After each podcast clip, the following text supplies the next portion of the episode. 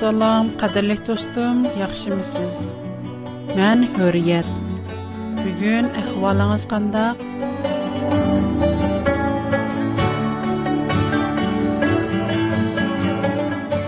Өткен бір аптыңыз алдырашчылық жеде өтіп кәттімі. Достларым әрдайым, күнім, қызмет, өй, қызмет өй депна алдырашчылық жеде өтіп Nemek için de kaldıraymış bilmeymen. Bu dünyada Adem ölümünü kütüp yaşaydıgan gepken, ama şundak mənisiz deyişir o. Sizin ruhi keyfiyatınız kandakra? Navada Adem ruhi sizimin yukasa, ama mənisiz ruh bilindu. Dostum, eğer siz Азыр дәл шындақ рухи бұшты құшыды тұрған болсыңыз?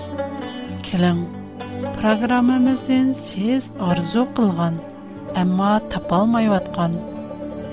Аңылғандай бірақ тұлғық, яғы әстай дейл аңылашқа пұрсет болмай қылған әқиқатны әліп, Чаңқыған рухиңізні қына әтләндіруң. Пәкәт құдала, Сізге хақи-хи рухи айат биралайды. Исыл соуғатлар программаси сізге худанын шу соуғатларни тонуштырып ойды. Бүгінки сөхбитіміздан тимиси Айса Масик шейтанден күшлік.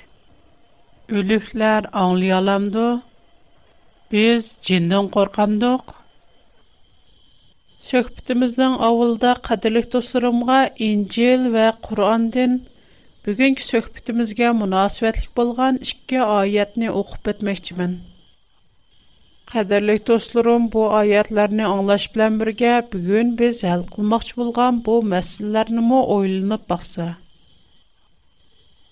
İncil Kolosiliklərə yazılğan xətt 2-ci bab 9-10-cu ayədə mündəq deyildi. Xudanın barlıq mükəmməl təbiəti bu dünyaya insan tinədə gələn İsa Məsihdir. Sizlər İsa Məsihə mənsub bolğanlıqlarından u sizlərə Xudanın kütgünidək buluşunlar üçün muhtac bolğan hər qandaq iltifatını bərdi. U ruhi güclər dünyasındakı hökmranlar və hüquqdarlardan üstün durdu. Құран кәрім 30-жі сөрі Рум 52-ші аятта мұндақ дейілген. Шөкпісіз ке, сән үліклерге сөзіңі аңлыталмайсын.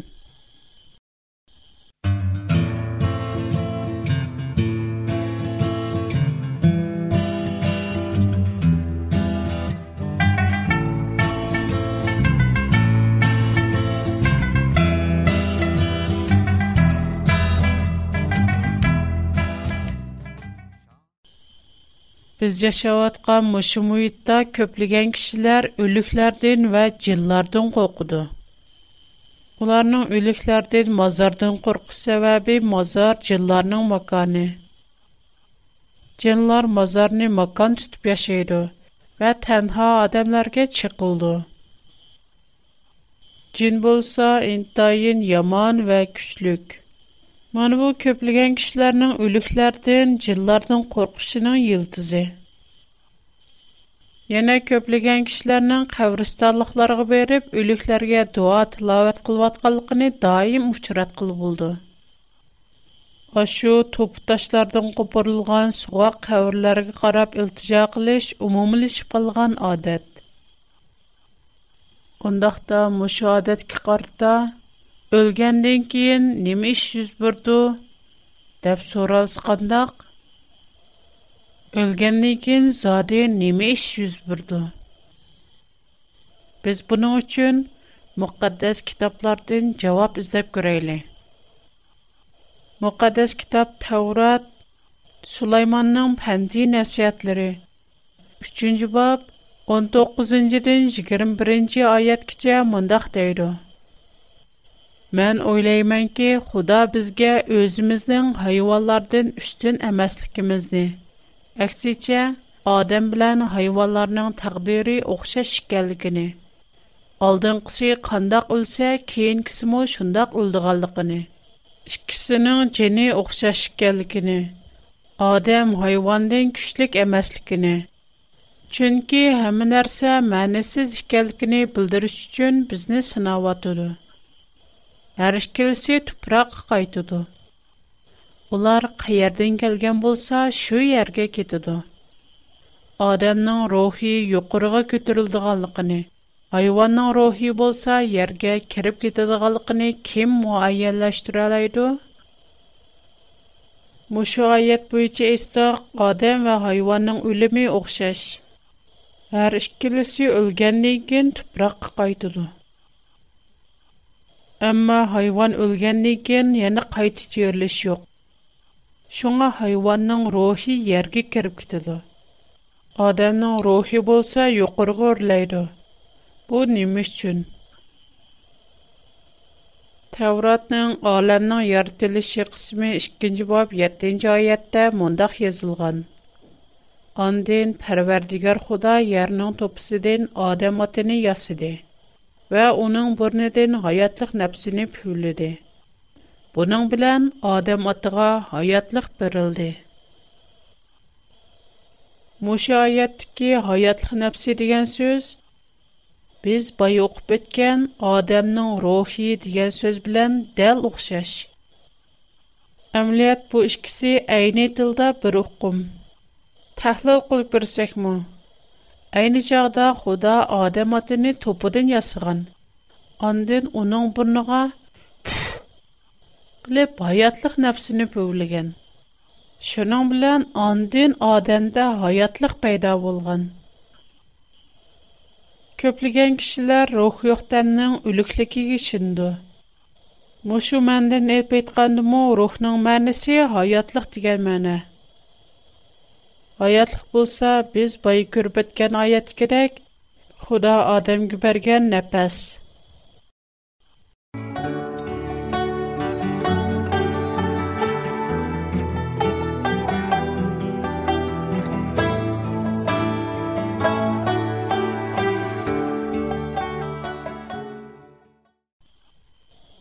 Хәлі көп сандагы кешеләр адам өлгәндән кин тәнчиреп, Рох мәңгү мәвҗут булып торду дип уйлыйды. әмма әламның 3-нчы боб 19-нчы аятта: "Худо адамны тәрам монда тәйдо. Төптән ярыттылдың. Шуңа яна төпүгә кайтсын." Бу аяттен адамның өлгәннән кин чириб төпүгә айлындыганлыгы Biroq biz mush oyatni texmo inechka tahlil qilib ko'rayli.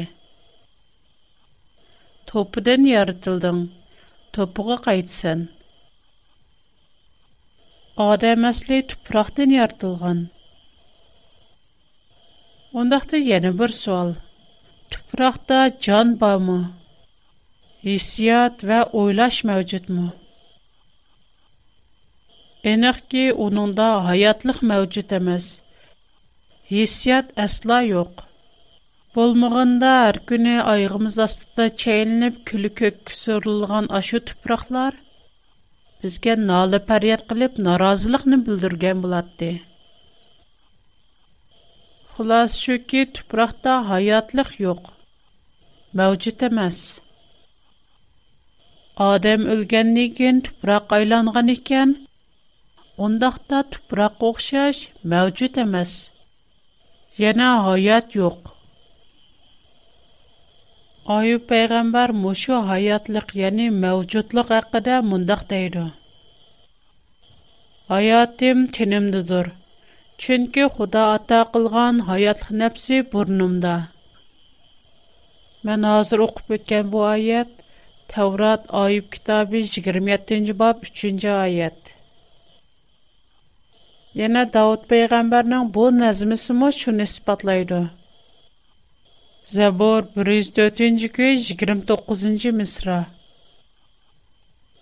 Сән юзыңны юшырсаң, улар алақызадылыкка түшүрү. Уларның нәпсене кайтырып алсаң, улар халак булып, тупрак айланды. Шуңа мошы ишки аятны тәхлил кылып өссәк, biz odamni mavjud deydigan ruh dal oyib payg'ambar aytgan nafasdan iborat shundoqla davud payg'ambar aytgandek odamning nafsi uzilgan omon ya'ni xudo nafasni qaytirib olgan omon hayotliq tugaydi ruh aslo mavjud emas chunki odamning tuproqdan yasalgan teni tuproqqa qaytsa Худадан келген нәпәс му, яны біз әйті отқан рух му Худаға қайтып кетеді.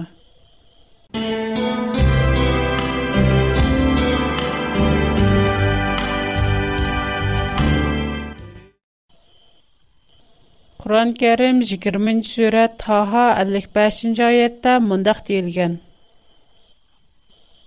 Сіләріні зимінден қалақ әттіқ. Сіләріні ене қайтырмыз. sizlarni yana bir qatim zimindan chiqarmiz bu oyatning ma'nisimi aniq siz to'pidan yasaldingiz o'lgandan keyin yana to'piqqa qaytsiz so'roq kunida qaytib terilganda siz boshqa yerdan ya'ni havodin osmondin Яки sayli sayohat qilib yurgan yerdan emas balki tuproqning ostidan chiqsiz shuni qilib mushu oyatmi shaytonning kishilarni aldab odam o'lgandan keyin ruh yanala mavjud o'lib ketgan tuquningiz bir necha yillardan keyin ma'lum joyda qayta paydo bo'lib siz bilan yuz ko'rishidu yoki sizni yo'laydi degan yolg'on so'zga radiya burdi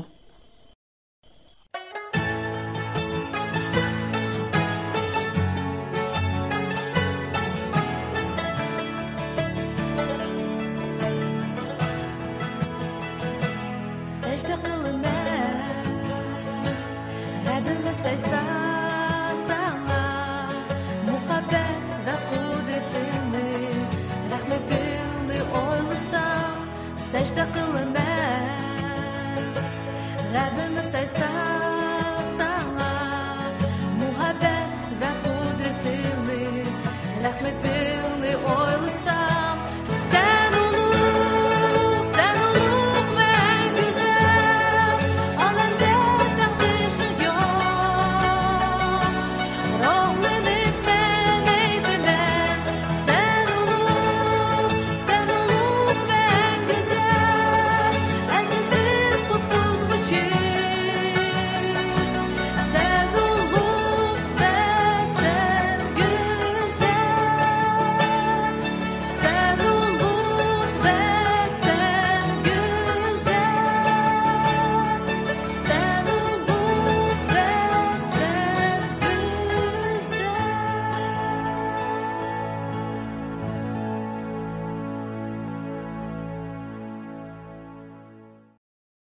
Biz ölgəndən kən nəmiş yüz burdu deyən sualğa cavab izdiduq. Bu yerdə yeni bir məsləmə var. Ölüklər zadi qandaq. Onlar kürələndi, oylayalandı. Hissiyat bamı, yenə mədiliyələndi. Kişilərinin adam ölgəndən kən ruh məvcud dəb qarşının bir asas səbəbi – odam o'lgandan keyin o'lik emas o'xshaydi bu so'zning ma'nisi nima intayin tushuniksiz va mantiqqa uyg'un emas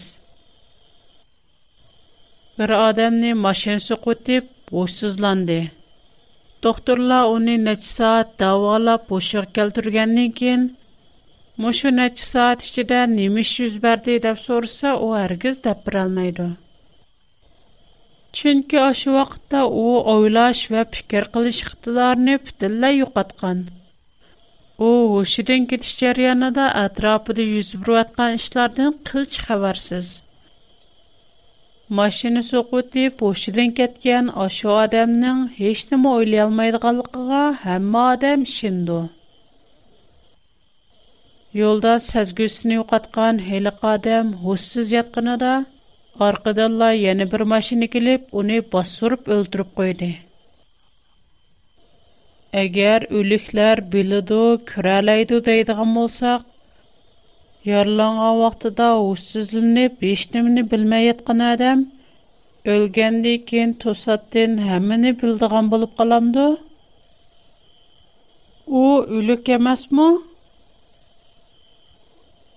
Tevrat Süleyman'ın Pendi Nəsiyyətləri 9-cu bab 5-ci, 6-cı, 10-cu ayətdə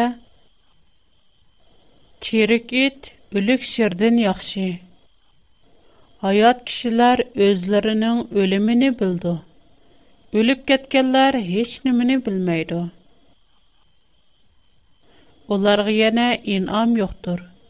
Onlar bütünləy unutulub gedidir.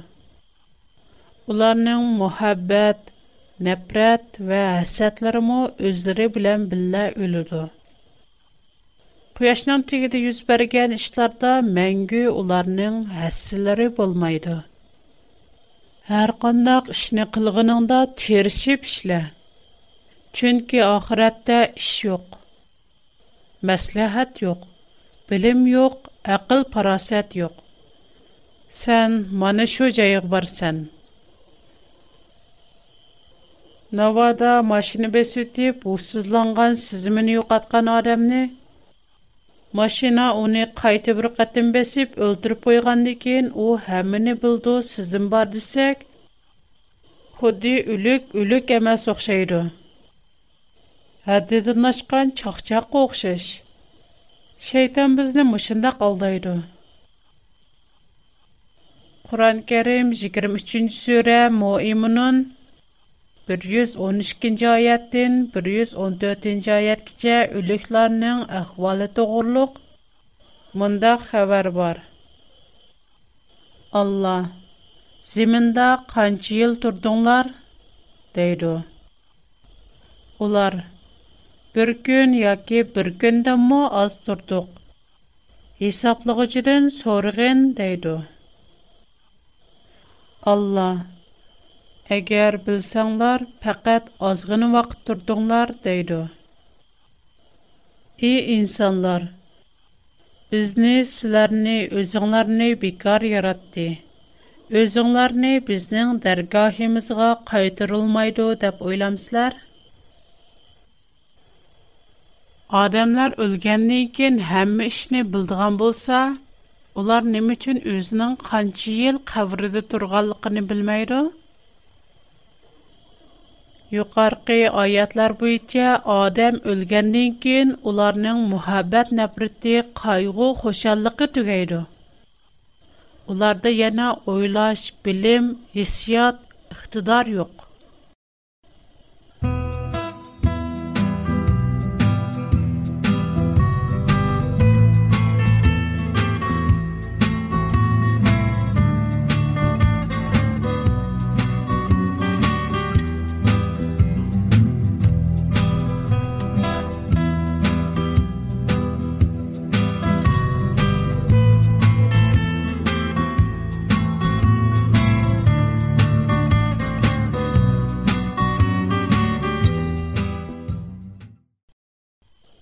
o'limni yana qattiq uxlashga o'xshatishga bo'ldi bir odam cho'nqur uyquga ketganda atrofida yuz berayotgan ishlardan xabardor emas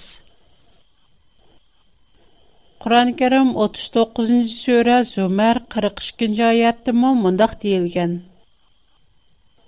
insonlar o'ladigan chog'larda olloh ularning jonlarini oldi Ölmegenlerinin canlarını uxlagan çaqlarda aldı.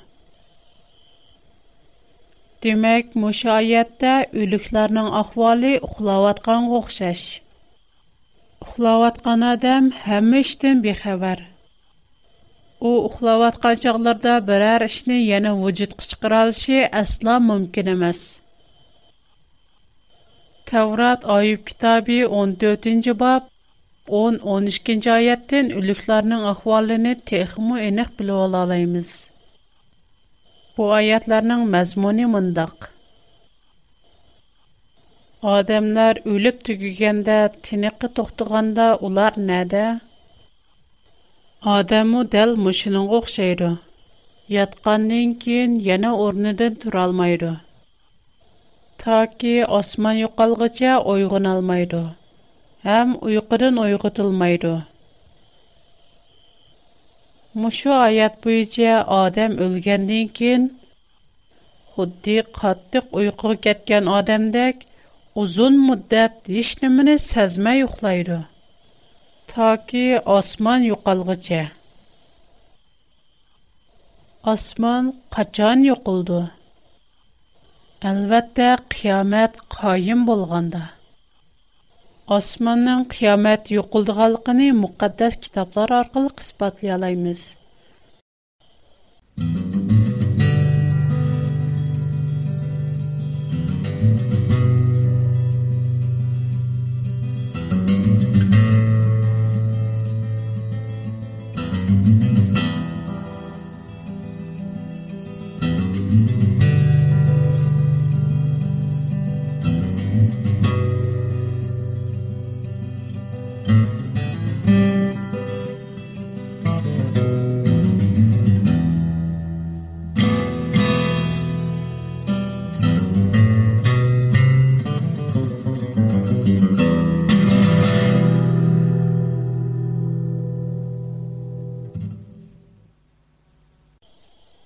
Біздің бұрын нұрғылыған айждадлар, адыбауыларымыз алэмді нөтті.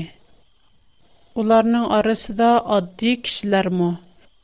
Пайгамбарлар му, пайлаусоп, алим, сиясулар му бар? Амма уларының хаммасыга оқшашла бір сүкім тупырақ біктілген.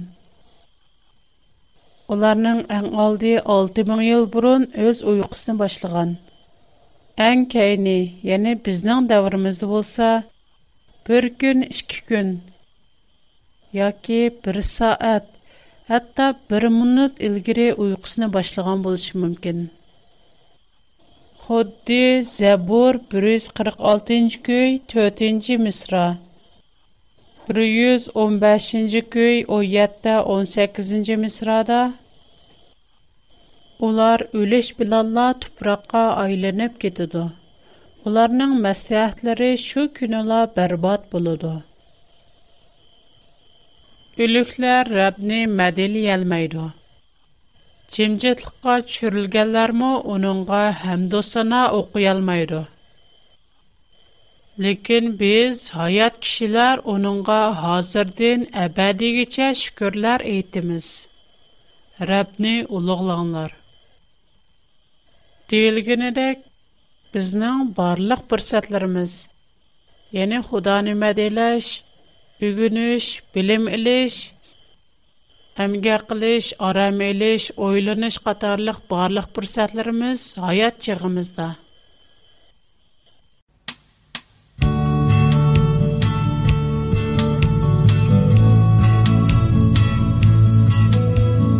Программа ахырда достумга тор pochta adresimni deb bermoqchiman agar men bilan aloqalashishni xohlasangiz qalam va qog'oz tayyorlab qo'ysangiz programma oxirida adresimni xotirlab olasiz manda bugungi programmadan boshqa jin shayton mangulik hayot jannat xudo o'lim payg'ambar qatorliqlarga munosabatlik ko'p temadagi программа бар. yaxshi ko'rsangiz menga xat yozsangiz сиз anglashni xohlaydigan ёки anglayolmay qolgan ikki programmani sizga haqsiz avatib birman yuqorqi bir qancha nuqtalardan o'lik haqiqiy o'lik u hargiz өлмегенге o'xshamaydi деген xulosani chiqardik Шынах болған іккен, яны бір мәсла. Ондақта бізнің қавристалықлары бейріп, суга қавриларге талмиріп, дуа қылшымызнан пайдысы бар му? Бу суалға көплиген досыларымның бар. Герче ашу өліп кәткен кишилар біздан дуа еміздан аңлай алмыс му? Хода біздан улар үшчен қылған дуа аңлап, Саваплы кызларыбыз белән уларга каңчылык кылды дип җавап бирүсе мөмкин. Әмдә Худаның мәубереге сүзгә кулак сеп бакайлы. Бәзиләр силәргә кенкәшләр ва палчы сехригәрләргә, яңары хил галәт тә хикырган ва энечке кускус авызларын чыкырдыганларга илтиҗа кылган Оларга шундайча жавоп беринглар. Қалық өзінің Худасыга илтижа қылмай. териклер үлүкләргә илтижа кылнды. Забур яшея китабы 8-нчы боб 19-нчы аят. Ягъни мош аят аркылы Худа һәр биримизден суал соравытты. Териклер үлүкләргә илтижа кылнды.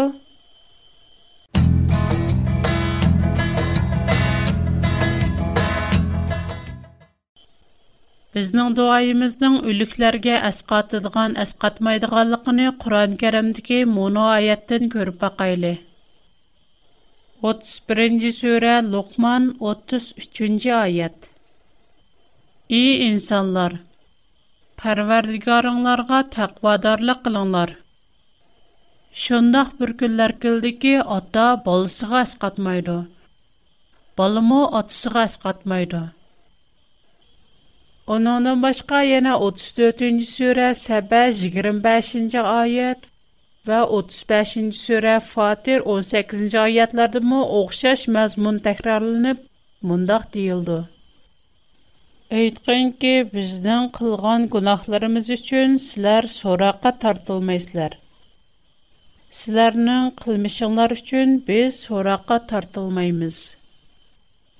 Еч бер гынаһкар адам бра ウン ның гынаһын өстәгә алалмыйды. Гынаһи әгәр бер адам башка бер аwny үз гынаһын өстәгә елвылышка чакырса, ул якын тукыны булган тагдырдымы? Уның гынаһын озрак нәрсәне өстәгә ел алалмыйды. Кем ке пакланыр икән, ул булды. Бу аятларның мәнисе нимә? Һеч кем, һеч кемнең гунасын күтәрмәйде. Мухаммад мо башкаларның гунаһын күтәрәлмәйде. Хәтта үз аилестикләрнең әгәр ул пакланса үзе өчен. Бүгенге программабыз мушярда аяклашты. Минең тора адресым Harriet at bigfoot.com менің хата тірсем A W R P O Box 310 Hong Kong менің хәзірше хата тірсем 香港邮政总局西巷310 нөмір. Хош, Құдаға аманат. Xush vaqt bo'linglar.